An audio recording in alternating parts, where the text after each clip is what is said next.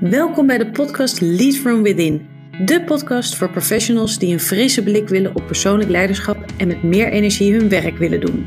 Mijn naam is Sabine de Kazenmaker en ik breng je inspiratie en tips om verbinding te kunnen maken met jouw authentieke kern en zo leiding te geven van binnenuit. Hierdoor maak je meer impact in de buitenwereld en behoort hard werken tot de verleden tijd. Luister naar deze podcast en krijg jouw motivatie om het verschil te maken. Van harte welkom weer bij een nieuwe aflevering van de Lead from Within podcast. En deze keer ga ik het met je hebben over keuzes maken. En ja, hoe maak jij keuzes? En vooral ook, hoe bepaal je dan wat klopt? Um, je zou hem kop of munt kunnen doen. Alleen ik heb nog nooit iemand ontmoet die de uitslag ook echt gevolgd heeft als het vooral om de grotere beslissingen gaat. Als het gaat om uh, eten we spinazie of broccoli. Misschien iets makkelijker. Maar daar heb ik het niet over vandaag. Nou, ik uh, ga je meenemen in uh, wat ik daarin veel zie gebeuren. De bepaalde versies. Maar ook wat er volgens mij nodig is om de juiste keuzes te kunnen maken. En vooral de juiste keuzes voor jou. Um, nou, ga met me mee, zou ik zeggen. Um, want wat ik zie is dat mensen die keuzes maken lastig vinden. En er zijn verschillende vormen. Maar één kant is dat als mensen keuzes maken lastig vinden, uh, dat ze zich gaan focussen op, ja, ik moet echt nee leren zeggen. Ik moet nee zeggen. En um, vanuit die kant redeneert geldt op basis waarvan zeg je dan ergens nee tegen? En je ziet vaak dat mensen die, die daar bewust mee bezig zijn, hè, of die, die zich bewust zijn geworden van ja, maar zo kan ik niet doorgaan. Er moet echt iets veranderen. Um, en dat zit hem in meer nee gaan zeggen. Dat ze dat heel dwangmatig gaan doen. En dat er dan ook uh, een nee al uit is. Voordat er eerst even goed gekeken is of, of ze dat ook echt op dat moment willen of niet. Um, en dat voelt vaak een beetje onnatuurlijk aan. En um, ja, ik, ik moet er altijd een beetje om lachen, want ik, ik herken het ook heel erg. Weet je, ik heb zelf ook een moment gehad. Ik dacht, ja, ik wist niet zo goed waar mijn grenzen lagen. En uh, uh, ja, dan zat ik weer in de situatie. Dacht ik, hoe ben ik hier nu weer in beland? Uh, ik had nee moeten zeggen. Waarop ik heel bewust um, en, en mechanisch eigenlijk nee ging zeggen. En terwijl, ja, er zijn nog steeds momenten dat het oké is om ja te zeggen. Dus het wordt zo'n soort extreme versie, totaal andere kant op, uh, die ook niet per se altijd uh, goed is. Dus het gaat er dan ook weer om om daar een beetje een midden in te vinden. En hoe doe je dat dan? Op basis waarvan weet je, dit is een situatie waar het klopt gewoon dat ik nu nee zeg. En dit is een situatie, ja, nou, hier, uh, hier ga ik voor. Hier wil ik ja tegen zeggen. Maar ik, ik luisterde bijna niet eens meer. Als er al iemand kwam met een vraag: uh, Mag ik je wat vragen? Um, dan was ik al op mijn hoede. Dan dacht ik al: oh, Oké, als er nu iemand iets van. Uh, als ze uiteindelijk iets van mij willen nog in die vraag, dan ga ik nee zeggen. Zo werkt het natuurlijk ook niet. Nou, wat ik. Aan de andere kant, als we het vanuit de ja uh, redeneren en bekijken, wat ik daar veel zie um, langskomen, is dat dat ja zeggen uh, een onbewust proces is. Dus um, het zou kunnen zijn, hè, iemand wordt ergens voor gevraagd en dan ben je gevleid en dan zeg je alweer ja voordat je het door hebt. Um, zo was er laatst iemand in een traject en die zei ook van ja, ik had nog wel een, een dag, een halve dag over in mijn, in mijn week. Dus uh, mijn manager die vroeg of ik een bepaald project wilde, wilde doen. dacht ik ja, oké, dus ja, ik heb tijd over. Hij vraagt het mij, uh, gaan we doen. Terwijl ik vroeg daar wat op door en ik, ik had het met haar erover. Het was helemaal niet iets waar ze, waar ze blij van werd of wat ze echt wilde doen. Dus uh, uiteindelijk kwam het erop neer dat ze de week vol had ge, ge, gepland, uh, vol had gezet uh, met dat extra project erbij. En dan ook nog eens iets waar je helemaal niet blij van wordt.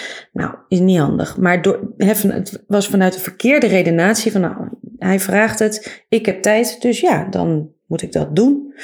Um, een andere die ik ook veel zie is dat sommige mensen, en daar ben ik er ook eentje van, die hebben zoveel interesses, dat ja zeggen een makkelijke is. Van ja, ja, ik vind alles leuk. Ik vind, ja, oh, dat wil ik ook nog wel. Oh, dat wil ik ook nog wel. Um, nou ja, uh, dat heb ik zelf ook ervaren. In die end, uh, heel veel van leuke dingen wordt ook niet leuk. Uh, en niet te doen. En gaat te veel van je, van je vragen. Een andere is dat je misschien ergens voor gevraagd wordt. wat je al vaker gedaan hebt. En dat je daarom dan nog maar een keertje ja zegt. ook dat was voor mij een, een, situatie waarin ik um, binnen de organisatie waar ik, waar ik lang gewerkt heb, in beginjaren, was ik PMO'er. Uh, projectmanagement officer, met een mooi woord. Dus dat betekende, eh, als je dat niet, die term niet kent, dat je eigenlijk um, de projectmanager ondersteunt in allerlei processen, dingen die geregeld moeten worden. Afschuwelijk vond ik het achteraf. dat had ik toen nog niet zo door. Um, ik kon het goed, ik had het vaker gedaan. Uh, ik werd er alleen helemaal niet blij van. Maar ik dacht wel, ja, uh, dit is blijkbaar mijn rol hier. En um, ik, ja, ik kan het wel. Dus ik zeg nog maar, uh, nog maar een keertje ja.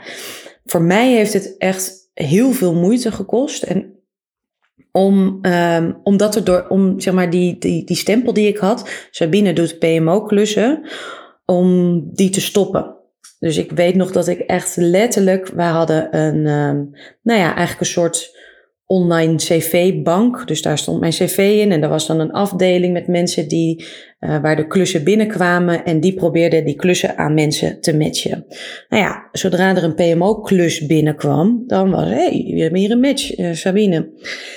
En ik weet nog dat ik aan het bureau van die persoon ben gaan staan en gezegd heb: Ik wil dat je nu die drie letters, die P, die M en die O, in die combinatie uit het systeem haalt. Ik wil dit niet meer. Ik kan het, ja, ik heb het veel gedaan. Ik weet dat ik er goed in ben. Maar nee, dit wil ik niet meer. Ik ging dood van die klussen. Ik vond het, ik moest dan rapportages maken en opleveren aan de klant. En dacht ik, ja, wie kijkt hier naar? Ik kreeg nooit feedback erover. Ik moest dan urencodes voor mensen, voor mensen regelen. Het waren gewoon, in mijn idee, de K-klussen die die projectmanager op dat moment niet wilde doen. Ik weet, er zijn PMO-versies waar het waar er meer bij komt kijken, waar je meer verantwoordelijkheid krijgt. In, op dat moment, die combinatie, ik met hem, uh, type werk, uh, was geen goede. En ik was er klaar mee. Ik dacht echt, ja, ik heb veel meer in mijn mars. Dit gaat hem niet, dit gaat hem niet worden. Ik ging, ik ging daar echt dood aan. Ik, toevallig, of niet, laatst een poster over geschreven dat ik um, achteraf gezien toen een bore-out had. En uh, ik wist helemaal niet dat dat bestond. Um, nu wel. Uh, ik was gewoon kapot van saaiheid en van geen uitdaging hebben. En um, nou ja, velen kennen wel een burn-out, maar niet de bore-out. Um, de, de aanleiding is, is anders. Hè? De bore-out vanuit uh, niet uitgedaagd worden, te weinig misschien uh, te doen te hebben, geen voldoening hebben. Uh, waarbij bij een burn-out er te veel op je bord ligt, van wat dan ook. Het is vaak een combinatie van, van dingen. Effecten zijn precies hetzelfde. En de duur, hè, gemiddeld, om daaruit te komen, als je er echt vol in zit, duurt het vier tot zes maanden om daaruit te komen. En dat is met een bore-out precies hetzelfde als met, met een burn-out. Dus ook de lichamelijke en geestelijke effecten, die zijn hetzelfde. Dus die, ja, die wil je ook voorkomen. Nou, ik heb nu door dat dat ook überhaupt bestaat. En daarna het gelukkig nooit meer ervaren, want nou, ik ben toen mijn studie gaan doen en uh, een hele andere kant op, uh, op gegaan. Um, en misschien is toen ook wel, dat zie je ook vaak, is dat moment voor mij nodig geweest om echt rigoureuze stappen te nemen. Dus afgezien van naar die persoon uh, gaan en die drie letters uit dat systeem van mijn profiel willen hebben. Ook um, een studie ben ik gaan doen, um, andere opdrachten gaan doen, me anders gaan profileren. Uh, veel meer vanuit waar ik voor sta en wat ik echt wilde doen. Nou, daar kom ik zo meteen op. Want um, vanuit die ja-zeggers, um, ja, voor mij gold dus ook voor je het weet, ben je in een situatie beland die je helemaal niet fijn vindt. En voor mij was toen ook nog, ik vond het wel hele leuke mensen waar ik mee op dat project zat. Dus ik dacht, nou gezellig, het was ook nog eens uh, in Amsterdam. Hè. Ik zat in de consultancy, dus moet je altijd maar afwachten waar je geplaatst wordt. Ik dacht, nou, relaxed, ik kan op de fiets. Ik uh, ben met leuke mensen. Het is een groot project, het was een interessant project. Alleen mijn aandeel daarin was verre van interessant. Um, tegelijkertijd uh, kan het ook zijn dat je in een situatie beland bent die, die echt te veel van je vraagt. Dus wat ik net ook zei, als je overal uh, ja op zegt en dingen leuk vindt, dan gaat het op een gegeven moment ook te zwaar wegen. Um, en, en daarmee ook op andere vlakken in je leven een negatief effect hebben. Um, zo was mijn vroegere versie, uh, zo'n uh, tien jaar geleden, 10, 15 jaar geleden, uh, er ook eentje van heel veel doen. En ik vond het allemaal oprecht leuk. mijn sociale leven was uh, is nog steeds maar uh, groot. Ik had veel hobby's. Um, toen ook hè, het werken in die consultancy, dat stopt niet, meestal niet met na uh, zeg maar om vijf uur. Er was vaak nog avondsessies, trainingen werden in de avond gegeven. Dus ja, ik, ik was een bezige bij. Achteraf gezien was dat niet voor mij de beste, de beste versie. Dus ik, vanuit die energie ook toen kon ik het wel. Maar als ik nu terugkijk, denk ik ja ik kon niet met de juiste aandacht overal bij zijn en ging echt van het een naar het ander. Um, ik moet uh, ook nog aan denken dat ik uh, in die tijd met mijn uh, toenmalige partner vierden we altijd Sinterklaas bij zijn familie. Onwijs gaaf was het altijd. Ehm, de mooiste gedichten, erg hilarisch. En elk jaar begon wel één gedicht van mij, in ieder geval met Sabine is altijd druk. Sabine heeft veel te doen. Iets in die trant stond er altijd. Ik vond ze laatst nog weer. En um, dacht ik, ja, ja, dat was ik. Dat was ik. En kan ik ook nog steeds. Alleen doet het mij oprecht heel veel goed. Nou, in die end niet. Nou, dan weet je, op een gegeven moment komt het besef weer van ja, ik moet keuzes gaan maken. Maar ja, hoe dan? Want ik kan toch mensen niet teleurstellen. Of ja, ik heb nu al ja gezegd, dus ik maak dit nog wel af. Um, als ik keuzes moet gaan maken, ja, waar kies ik dan voor? Wat is dan het juiste?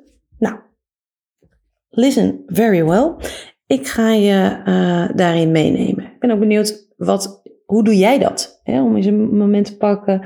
Uh, welke keuzes, op basis waarvan bepaal je of iets een goede keuzes of niet? Um, voor mij zit het er heel erg in, en dat is ook de ontwikkeling die ik zelf door heb gemaakt en, en daar steeds bewuster mee bezig ben uh, gegaan, is om die juiste keuzes te kunnen gaan maken, is het belangrijk dat je weet hoe jouw ideale leven eruit ziet. En dan heb ik het zowel over werk als privé. Dus het totale plaatje, wat, hoe ziet dat eruit? Wat heb je dan uh, waar bevind je je dan? Met wie ben je dan? Um, dus als ik jou dat nu vraag, hè, hoe ziet jouw ideale leven eruit? Heb je daar wel eens over nagedacht? Wat is misschien het eerste wat in je opkomt? Um, als dat een idee is, uh, denk je dan meteen, ja, maar dat kan niet. Nee, dat, dat gaan we niet doen. Um, en ik zeg niet, uh, want vaak komen mensen met, ja, ja, lekker uh, elke, alleen maar vakantie. Um, ik denk in die dat dat niet per se voor, uh, nou, voor bijna niemand echt het ideale leven is. Dan komt vaak op het vlak van voldoening, het, gaat het wringen. En dat betekent ook niet dan en nu van, oh ja, dus ik moet nu alles wat ik nu doe, maar opgeven en een compleet andere kant op gaan. Maar wel kijken van ja, welke stappen kan ik nu nemen? Als ik dat idee, dat plaatje wat nu naar boven komt, serieus neem. Wat, wat zou een eerste kleine stap zijn in die richting? Als er helemaal niks komt, hè, of je hebt het niet helemaal helder, of je kan er geen woorden aan geven. Um, en je weet dus niet hoe dat eruit ziet. Ja, op basis waarvan baseer je dan je keuze? Het lijkt mij zeer uh, ingewikkeld. En dan loop je dus het risico dat je meegaat in een flow, een flow van anderen. Dat uh, ja, anderen dus meer regie over jouw leven kunnen pakken dan dat jij zelf hebt. Ja, dat is een situatie die je naar mijn idee niet wil. Um, en als dat nu zo is, uh, wil doorbreken. En dat kan. Um, hè, en ja, want ook als je dan ergens ja tegen zegt of nee, weet je, is het dan omdat het een goed gevoel geeft. Um, gevoel is manipulatief. En die kan je wel eens voor de gek houden. Hè? Of die zou, dat gevoel zou ook wel eens willen kunnen voorkomen dat je groeit. Uh, want het kan spannend zijn en dan is het fijner om nog een keer hetzelfde te doen of in de situatie te blijven waar je nu in zit, uh, dan om een stapje in een andere richting op te doen. Uh, of een stapje hè, die, die ervoor zorgt dat je wat meer uitgedaagd gaat worden. Nou, als we het hebben over dat ideale leven, daar, zit, daar zitten heel veel lagen in. En ik ga er een aantal met je, met je doornemen. Voor mij gaat dat allereerst over waar krijg jij energie van? Waar word je blij van? En heb je vaak dan gedachten van ja, maar dat kan toch niet? Dan sla je eigenlijk alles meteen plat. Um, dood eigenlijk. Um, dus als je, als je nu kijkt van ja, waar, waar word ik nou blij van? Waar gaat mijn hart harder van kloppen? Waar voel ik een vlammetje van gaan branden in mezelf? Waar word ik, heb ik een soort, ja, een soort sprongetje zo van, oh, wacht. Ja, oh, nou, dat vind ik eigenlijk heel leuk. En, en dat kan in hele simpele dingen zitten. Hè? Dus wat ik ook vaak zie, en um, ja, dat mensen als het gaat over dat ideale leven, dat dat een soort gigantisch, bijzonder, extreem verhaal moet worden. Um, waardoor het ook ingewikkeld wordt om daar, uh, daar iets mee te doen. Want dan wordt het zo groot dat je, dat je niet weet waar je moet beginnen. Dan lijkt het sowieso onmogelijk. Um, dus daar zit het hem niet in. Als ik nu naar mijn leven kijk, dan heb ik echt, leef ik echt mijn meest ideale leven. Ik zou niet zo goed weten op welk vlak ik nog iets meer zou willen. Uh, misschien over, als je me over een week vraagt, is het er wel hoor. Maar nu denk ik echt, ja, dit is, ik heb het echt heel erg lekker. Um, op alle vlakken. Dus uh, privé, met mijn relatie, uh, met vriendinnen, met mijn familie. Maar ook het werk wat ik doe, de manier waarop ik mijn werk kan doen, de omgeving waar ik me in bevind, de omgevingen waar ik me in bevind, hè, in twee landen, mijn werk kunnen doen de vrijheid die ik ervaar. Ja, als je me dat, nou zeg, drie, vier jaar geleden gevraagd had, had ik dat echt niet geantwoord nu, dat, dat mijn leven er op deze manier uit zou zien. Ik had, ik had geen, ik had wel een verlangen en een visie, maar ja, dat, ik had dit zeker niet genoemd. Wat ik wel gedaan heb, elke keer, is mijn hart gevolgd en mijn intuïtie gevolgd en gedacht van, hmm, Hm, nou, ik heb hier zin in. Dit ga ik doen. Zo ben ik bijvoorbeeld na um, de eerste keer dat mijn partner hier in Nederland kwam, was net twee dagen voor de pandemie. Met als gevolg dat hij hier acht maanden geweest is in plaats van drie maanden. Want hij kon niet terug naar Colombia. Colombia is het land geweest wat het langste dicht heeft gezeten. Zo'n zes maanden. Dus wij zaten hier verplicht met elkaar, um, nou, in mijn appartement van 50 vierkante meter.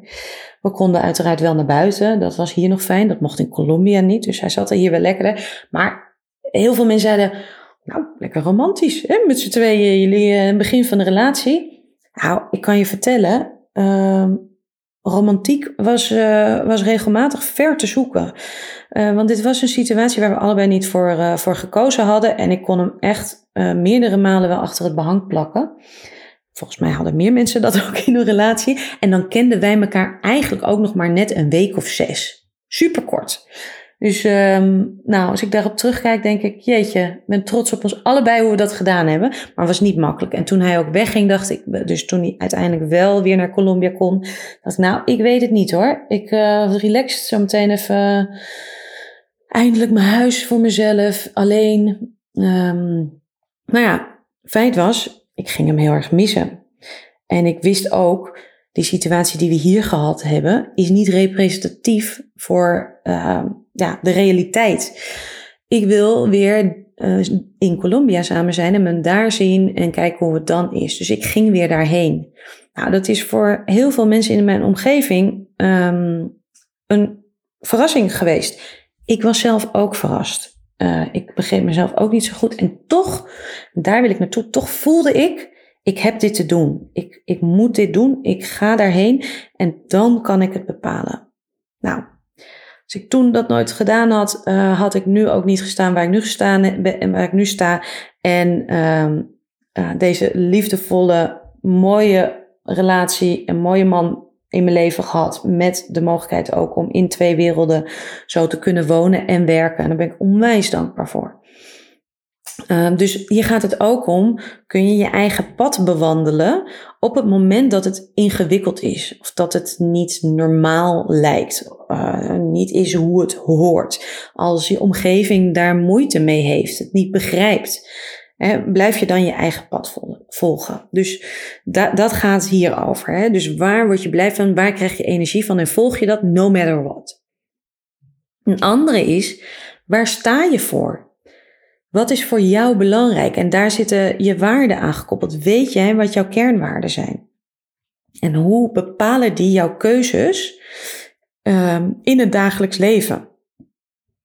Hoe bepalen die wat jij wel en niet belangrijk vindt. Wat je, wat je wil hebben om je heen. Um, ik merk ook dat heel veel mensen die kenwaarden niet weten. En dan wordt het een beetje, ja, wordt het loszand. En tuurlijk heb je misschien wel een idee of zo, maar het is heel fijn, heel verhelderend om die kenwaarden helder te hebben en daaraan dingen te kunnen koppelen. Voor mij is vertrouwen er één. En dat betekent voor mij dat in vriendschappen, in mijn relatie, in het leven in het algemeen, ook met werk. Het, tuurlijk is het soms spannend om zelfstandig ondernemer te zijn. Ik voel zoveel vertrouwen in datgene wat ik aan het doen ben. Um, en dat ik, al, ik weet als ik de juiste stappen blijf ondernemen, dan komt het goed. Ik zie het nu nog niet. Ik, ik weet niet hoe het eruit gaat zien, maar ik blijf in beweging en uh, in, in contact met mezelf, wat klopt nu? Um, en ook die acties blijven doen als het ingewikkelder wordt. Ook als het misschien even een rotklus is. Weten van waar ga je naartoe? En dit ga ik nu doen. Dus die waarde vertrouwen, die, die helpt mij in, um, ja, in de beslissingen die ik neem. In de manier waarop ik gesprekken aanga. In de manier waarop ik in het leven sta. De keuzes die ik maak. Um, nou, ik noemde ook al een beetje in dit verhaal. Wat, waar ga je naartoe? Wat ben je aan het creëren? dus dat heeft te maken met, weet je wat je visie is? Je visie voor het leven. En ook welke ervaring wil je creëren? En ervaring creëren kan zijn dat je zegt: ik wil, ik wil vrijheid ervaren, of ik wil juist stabiliteit ervaren, ik wil verbinding ervaren. Dus vanuit dat, als je dat helder hebt, kun je ook weer kijken, ja, klopt dat nu? Als ik nu ja zeg tegen een bepaalde opdracht, um, tegen uh, een bepaalde uh, vriendschap misschien wel, ervaar ik daarin vrijheid? Ervaar ik daarin de verbinding die ik wil ervaren, ja of nee? Nou, en dan afhankelijk van het antwoord kun je daarop je keuzes bepalen. Heb je misschien uh, een gesprek te voeren? Heb je misschien toch nee te zeggen? En dus op basis daarvan kun je ook die richting bepalen en kijken, draagt dit bij aan mijn einddoel? Aan mijn, aan mijn grotere doel wat ik voor me zie? En, en ook daarin, hè, voor mij zit het. Um, mijn kreet is create your own reality. En daar kan ik heel aan ophangen. Dat is, zeg maar, dat is mijn visie. Dat je je eigen realiteit kunt creëren en dat echt het helemaal jouw versie mag zijn en kan zijn. Onafhankelijk van wat, er, wat anderen doen, wat die ervan vinden, wat, wat er misschien wel van je verwacht wordt, wat je zelf misschien wel ooit als plaatje had en denkt, oh nou, dit klopt toch niet. Um, dat is mogelijk. En dus een visie hoeft ook niet heel, een heel verhaal te zijn. ik ga de wereld redden en dat doe ik zo en zo. Maak het niet te groot. Maar als je, als je één boodschap hebt die je de wereld wil vertellen, Wat is dat dan? Je krijgt nu een microfoon en je mag het, mag het heel keihard vertellen aan iedereen. Wat is jouw boodschap? En dan ook, ja, en hoe ben ik dat nu zelf aan het doen?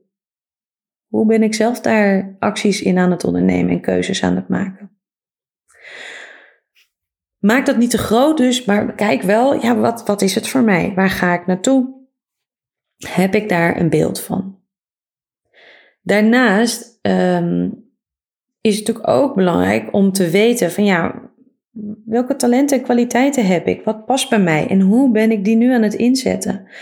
Kan daar misschien nog meer van benut worden? En past daar een bepaalde opdracht bij? Past, past daar een bepaalde omgeving bij? Um, of, of klopt het nu al? En hoeft er misschien helemaal niet meer bij? Dat zou ook nog heel goed kunnen. Voor mij zit het hem heel erg in dat ik weet, um, vaardigheidstrainingen op het gebied van persoonlijke ontwikkeling. En, dan heb ik het bijvoorbeeld over een feedbacktraining. Dat je iemand leert eh, hoe je feedback geeft, waar je op moet letten, welke omstandigheden, uh, wat de juiste stappen zijn. Ik kan het. Ik kan het absoluut. Past dit heel erg bij mij? Geloof ik daarin? Heb je mij op mijn best? Nee. Dus voor mij is het heel duidelijk dat ik dat niet meer doe. Ik heb het gedaan hoor. Uh, en, en ik had altijd een beetje een soort achteraf gevoel van, hm, ja, ja, was dit het? Is, ja, oké, mensen zijn blij. Ben ik blij? Nou, eigenlijk echt blij. Ik was ook niet down ervan of zo, maar ik was niet dat ik dacht, nou, dit is fantastisch. Um, nou, en, ik ga graag wel voor fantastisch in het leven, op zoveel mogelijk vlakken waar, waar mogelijk. Dat is ook en nog, en, en dan komen we bij, eh, bij de laatste twee punten. En welke impact wil je maken als je later terugkijkt? Of wie wil je zijn?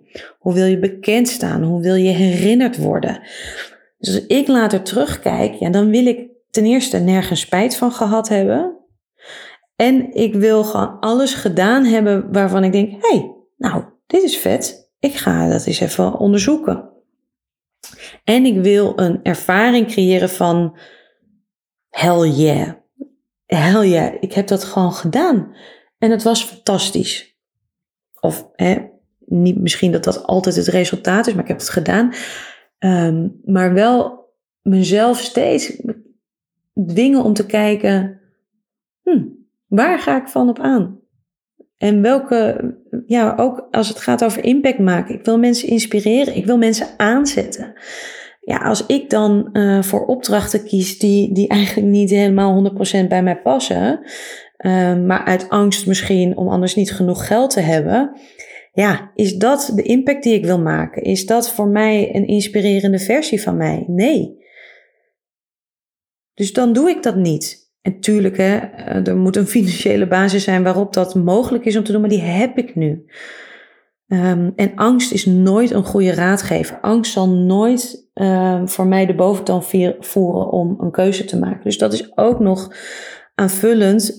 Vanuit waar maak ik nu die keuze? Is die vanuit angst om anders nooit meer gevraagd te worden ergens voor. Om te denken dat ze je anders misschien een zeur vinden. Uh, dat ze teleurgesteld zijn. Dat je misschien anders niet weet wat er dan nog langskomt. Of wat je dan moet doen. Hè? Maar ja, als het daarover gaat wat je dan moet doen. Ga hierover nadenken. Ga over deze vragen nadenken. Luister het nog een keer terug. Schrijf mee. En ga eens op een rustige plek zitten met pen en papier en begin te schrijven en te reflecteren. Hoe ziet het er voor mij uit? Of heb het er met iemand over? Laat je bevragen door een goede vriend of vriendin. Um, en nou, zorg ervoor dat dit, dit soort onderwerpen een vast onderdeel zijn van hoe je naar jezelf kijkt, hoe je naar je leven kijkt en hoe je de dingen doet. Nou, daarnaast is het dan ook belangrijk dat je je commit aan dat eindresultaat, hè, aan dat ideale plaatje. En continu, als er een keuzemogelijkheid voorbij komt, dat je checkt, ja, hoe past dit in mijn plaatje? Waar draagt het aan bij? En op welk vlak? En wat is nu de reden dat ik ja zeg? Is dit echt wat me nu te doen staat? En meestal, eh, denk dat je dit herkent, meestal weet je diep van binnen het antwoord wel. Neem dat serieus. En nogmaals, het gaat er niet om om rigoureus totaal alles achter te laten en dingen anders te gaan doen. Be my guest als je dat wil en je daar comfortabel bij voelt. Dat is meestal niet zo. Dus doe dat niet. Maar ga wel kijken van joh, uh, hier zit, zit een ja, dit blijft maar in mijn hoofd zitten. Of mijn aandacht gaat er naartoe. Of nou heeft weer alweer iemand het daarover. Hmm, wat zou dit te betekenen hebben? dus waar je misschien voorheen dat onderbuikgevoel wat negeerde. Uh, kun je door middel van de uitwerking van het ideale plaatje beredeneren waarom iets wel of niet klopt. Dus dat is heel vaak heel fijn, weet je. Dan blijft het niet bij zo, ja, ik heb het gevoel dat. Maar je kunt er woorden aan geven. Je kunt er een waarde aan hangen. Je kunt er uitleg aan geven. En, en, en dus ook ten eerste naar jezelf, maar ook naar je omgeving het beter uitleggen. Waardoor ook mensen, je zult merken, mensen gaan misschien wel met je meedenken. Uh, bij mij was het ook toen ik in die organisatie nog werkte, dat er opeens dingen langskwamen, dat ik gevraagd werd voor opdrachten. Maar ik denk, oh wacht, hey, nou, het lijkt alsof het vanzelf gaat. Het is niet zo, want je hebt daar hard voor gewerkt. Ik had daar ook hard voor gewerkt en uh, het werk met mezelf uh, gedaan. Maar dat is wat er dan gaat gebeuren. Wil je hier nou meer van? Uh, of wil je met anderen de verdieping ingaan? Wil je er met mij meer de verdieping uh, op ingaan? Mijn groepscoachingprogramma Conscious Capacity gaat hierover. Het draait een aantal keer per jaar. Wil je daar meer info over? Stuur me vooral een bericht. Uh, of hou mijn Instagram aan de gaten, in de gaten. Daar deel ik er ook uh, regelmatig over. En uh, nou, voor nu zou ik je willen adviseren: ga in ieder geval met die vragen aan de slag. En hartstikke bedankt voor het luisteren en een hele mooie dag.